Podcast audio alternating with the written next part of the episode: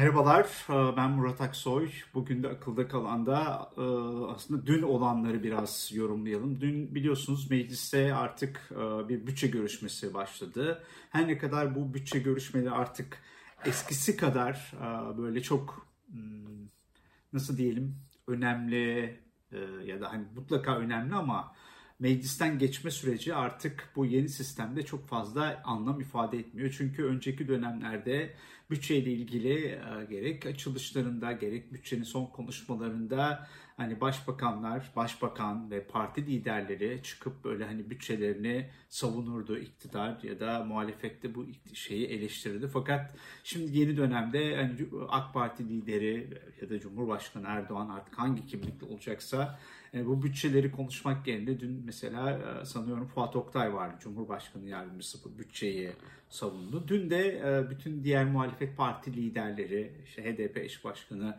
konuştu ve Kemal Kılıçdaroğlu da bütçe konuşması yaptı. Gerçekten dün akşamdan itibaren sanıyorum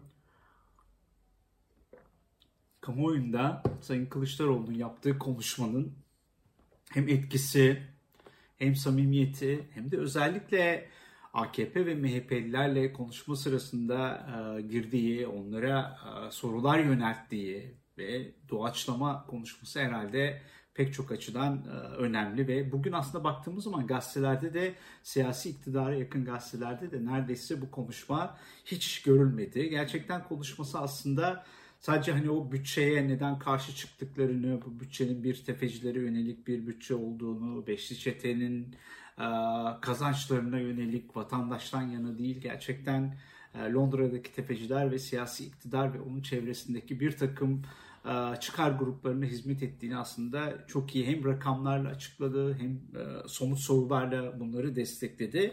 Tabi sonunda da AK Parti sıralarından gelen ya da MHP sıraları ikisi birden gelen aday ol aday ol. Yani Cumhurbaşkanlığının adaylığına yönelik böyle bir Kılıçdaroğlu'na yönelik bir gaz verme e, durumu vardı. Ve Kılıçdaroğlu da onlara dönerek benim aday olup olmayacağımdan size ne dedi. Yani hani bir anlamda o aslında bizim meselemiz demek istedi. Ama hemen o konuşmasının ardında şunu söyledi. Ben tek adam rejimi istemiyorum dedi. Yani bu kendisi de olsa bir başkası da olsa tek adam rejimi istemediğini açıkça ifade etti. Dün bu konuşmadan sonra pek çok yorumcu gerek sosyal medyada e, Kılıçdaroğlu'nun artık bir cumhurbaşkanı adayı olabileceğini söyledi. Şimdi Devlet Bahçeli'nin bu yönde bir açıklaması oldu. Ee, yine İyi Parti Grup Başkan Vekili ya da e, onların hani deyimiyle başkan yardımcılarından Aytun Çıray'ın e, benzer bir yorum oldu. Bu şimdilik aslında erken bir yorum. Çünkü Kılıçdaroğlu'nun Cumhurbaşkanlığı konusundaki e, temel meselesi isimler meselesi değil. Yani hani ben kendisiyle yaptığım görüşmelerde de başka gazetecilerin yaptığı görüşmelerde de bunu hep ifade etti. Benim için önemli olan bu ülkenin demokratikleşmesi, bu ülkenin normalleşmesi, bu ülkenin sivilleşmesi ve bu otoriter rejimden kurtulması. O yüzden bir sonraki seçimi kendisi hep demokrasiden yana olanlarla otoriter rejimden yana olanlar olarak tanımlıyor. Yani kendi şeyini böyle tanımlıyor. Dolayısıyla da kendi ismi üzerinde de hani bu kadar e, çok fazla durulmasını da çok fazla istemiyor. Gündeme gelmesini çok fazla istemiyor. Önemli olan bizim bu süreçte yapacağımız çalışma ya da yap, varacağımız şey ilkeler üzerinde. Yani yeni döneme ilişkin ilkeler üzerine ee, ve yine bu durumda ben hemen dün bu konuşmadan sonra oturup bir yazı kalemi aldım. Aslında o yazıda ifade ettiğim gibi hani dünkü konuşma yine Kılıçdaroğlu ile ilgili bu geçen haftalarda e, Mersin Milletvekilinin tank palet fabrikası ile ilgili bir söylemi üzerine onun üzerinden aslında Kılıçdaroğlu'nun hedef alındığı, gerek Erdoğan gerek Bahçeli tarafından Kılıçdaroğlu'nun bir milli güvenlik meselesi olarak tanımlanması. Yine kendisine biliyorsunuz bu bir buçuk yıl önce Çubuk'ta bir linç girişimi vardı. Yine geçtiğimiz Cuma günü kendisi Murat Sabuncu'ya verdiği bir söyleşide kendisinin ailesinin dinlendiğini ve izlendiği yönündeki beyanları her ne kadar Süleyman Soylu buna karşı böyle böyle bir şey olmadığını ifade etse de aslında oh, neyin olabileceğini bildiğimiz için ya da sezgilerimizle ispatlayamazsak da bildiğimiz için aslında bunları hep aslında normalleştiriyoruz bir taraftan. Ama Ee, dünkü konuşma bana bir kez daha şunu gösterdi. Bütün bu Kılıçdaroğlu'na yönelik eleştiriler, linç girişimi, hedef alma yani Çakıcı tarafından e, tehdit edilme meselesi aslında Kılıçdaroğlu'nun ne kadar siyaseten önemli bir şey yaptığını bize gösteriyor. Yine dünkü meclis e, bütçe konuşmasında iktidar sıralarından gelen aday ol çağrısının e, Sayın Kılıçdaroğlu'na olan destekten ya da onu Cumhurbaşkanı görmekten değil, onu siyaseten etkisizleştirme, siyaseten tasfiye etme amaçlı olduğunu da herhalde hepimiz biliyoruz. Ne yapıyor gerçekten Kemal Kılıçdaroğlu? Kemal Kılıçdaroğlu özellikle anayasa referandumundan itibaren 2017 anayasa referandumu 17 Nisan Sonra 28 Haziran 2010 seçimleri ve 31 Mart 2019 yerel seçimleri. Sonra İstanbul 24 Haziran seçimlerinde şunu yaptı Kılıçdaroğlu. Gerçekten siyasi iktidara muhalif olan kesimleri İyi Parti ile, Saadet Partisi ile, HDP'si ile vesaire herkes de bir anda konuşabiliyor ve biliyorsunuz işte Millet İttifakı var. İyi Parti ile kurulmuş. Dolayısıyla aslında Kemal Kılıçdaroğlu'nun 2017 referandumundan itibaren yaptığı şey bir siyasi mühendislik ve o siyasi mühendislik de aslında bu iktidarın %25 ile ya da İyi Parti'nin %10'la ya da HDP'nin %10'la ya da Saadet'in %1,5'la neyse ya da CHP'nin %25-26'sıyla %50 artı 1'in iktidarını hedefliyor. Ve bu konuda da gerçekten hani 2018'de de referandumda da ve nihayet en somut şeyini bu 31 Mart ve 24 Haziran 2019 seçimlerinde gördük bir zafer elde etti. Yani o zafer CHP açısından baktığınız zaman %25 ile iktidarın yenilmesi, İyi Parti açısından baktığınız zaman %7-8 ile e, iktidarın yenmesi olarak okunabilir. Çünkü orada kurulan bir iktidar bloku, kendiliğinden oluşan bir muhalefet cephesindeki bir ittifak bloku gerçekten siyasi iktidarı yerel seçimlerde bu açıdan yendi. O açıdan aslında Kılıçdaroğlu'nun bu kadar hedef seçilmesi nedeni de bu koalisyonu yani muhalefetteki bu koalisyonu sağlama yönündeki en güçlü siyasi lider olması. Çünkü Kemal Kılıçdaroğlu'nun kendi deyimiyle bizim en büyük özelliğimiz kendisini demiyor orada da tabii mütevazi davranıyor bütün partilerle konuşabiliyoruz. Bu, bu konuşma tabii aslında iktidar partisini de hedefliyor. Çünkü onlarda da bir görüşme talepleri var ama muhalefetteki bütün partilerle görüşebiliyorlar, konuşabiliyoruz ve gerçekten ortaklaştırma meselesi. Nitekim hani bir süre bu korona meselesini biraz son günlerde arttı ama liderler kendi aralarında ciddi bir e, ziyaret trafiği işletiyorlar. Bu sadece CHP'nin diğer liderleri, muhalif parti liderlerini değil, diğer muhalefet parti liderleri kendi aralarında da ciddi bir e, gerçekten müzakere süreçleri ya da görüşme trafikleri yürütüyorlar. Tabii bu görüşmelerde herhalde ilk günden Türkiye'nin o an içinde bulunduğu siyasi gündeme ilişkinse mutlaka sanıyorum ve hani belki bilgilerini de aynı söyleyeyim bunu. ikinci, üçüncü madde de mutlaka bundan sonraki dönemde seçime yönelik ya da bu muhalefet arasındaki süren işbirliğine yönelik bir yol haritasını oluşturma. O konuda bir görüş alışverişi mutlaka var.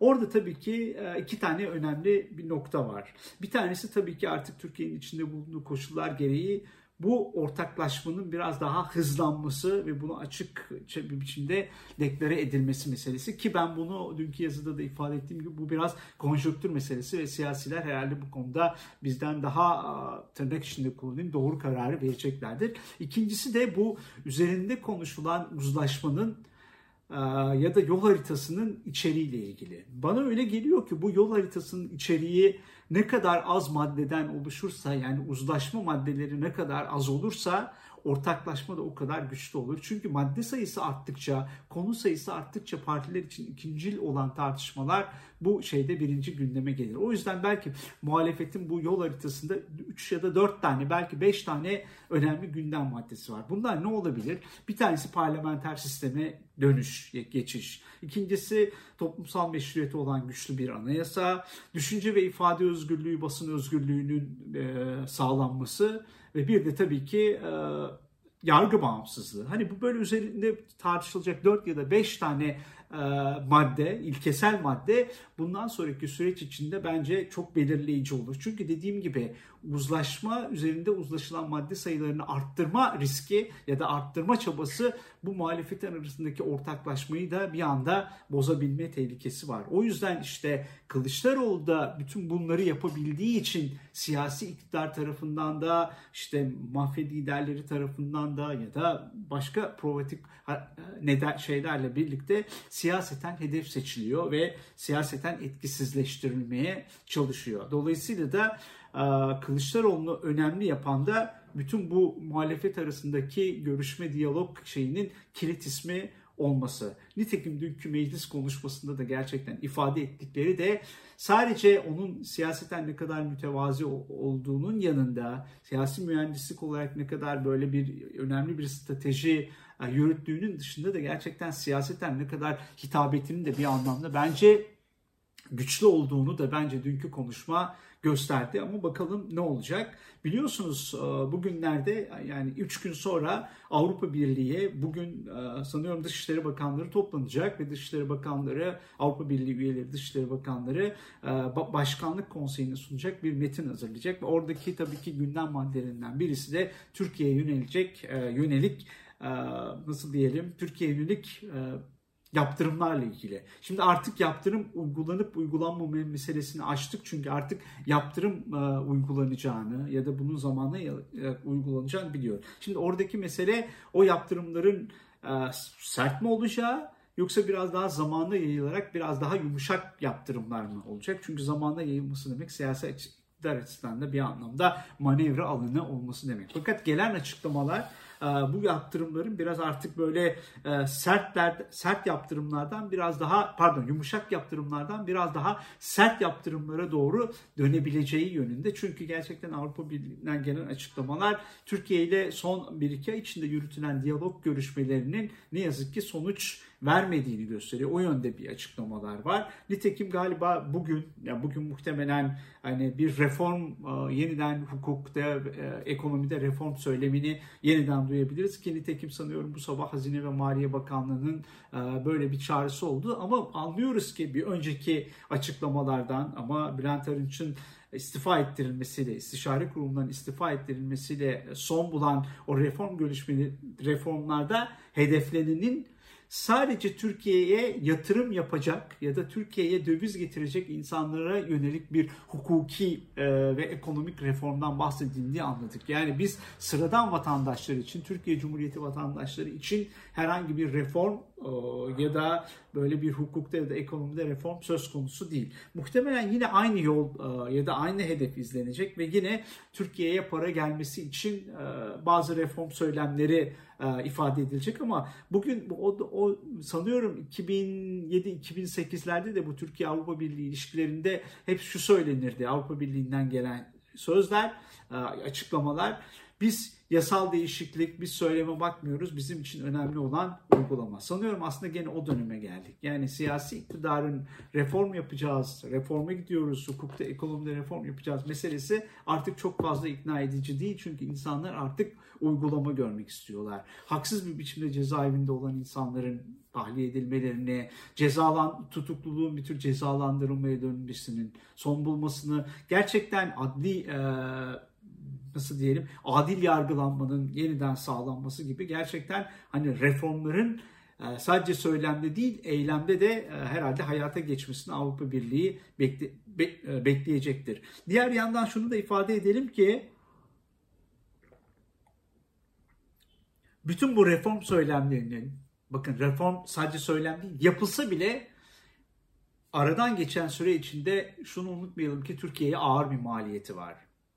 Çünkü bugün e, Avrupa Birliği'nden e, liderler zirvesinden yaptırım almamak için masaya oturması demek ya da masaya e, gitme girişimi demek Türkiye'nin elinin öncesine göre biraz daha zayıf olarak o masaya gitmesi demek ki bunun da aslında maliyetini bütün Türkiye olarak biz ödüyoruz. Evet bakalım Avrupa Birliği'nden ne yönde kararlar çıkacak ama ben orada her şeye rağmen yine Almanya'nın Türkiye'de Türkiye üzerinde olan çıkarları, bu e, göç anlaşmasını vesaire düşünerek biraz daha ben sert yaptırımlardan ziyade biraz daha belki ılımlı ya da e, hafif yaptırımların biraz daha üstünde ama onu da zamana yayılmış bir e, tedbirler ya da nasıl diyelim yaptırımlar listesi geleceğini düşünüyorum ama şunu unutmayalım ki o bile o bile aslında Türkiye'ye maliyeti olan bir şey. Ee, ekonomide maliyeti olacak, uluslararası ilişkilerde maliyeti olacak ve ne yazık ki bütün bunlarda hala siyasi iktidarın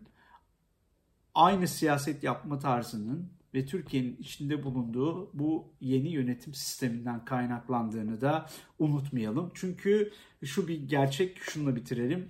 Siyasi iktidarın içeride kutuplaşma, ötekileştirmesinin doğal bir sonucu dış politika dış politikada kaçınılmaz bir yalnızlık olarak karşımıza çıkıyor. Ve bu değerli bir yalnızlık ne yazık ki değil.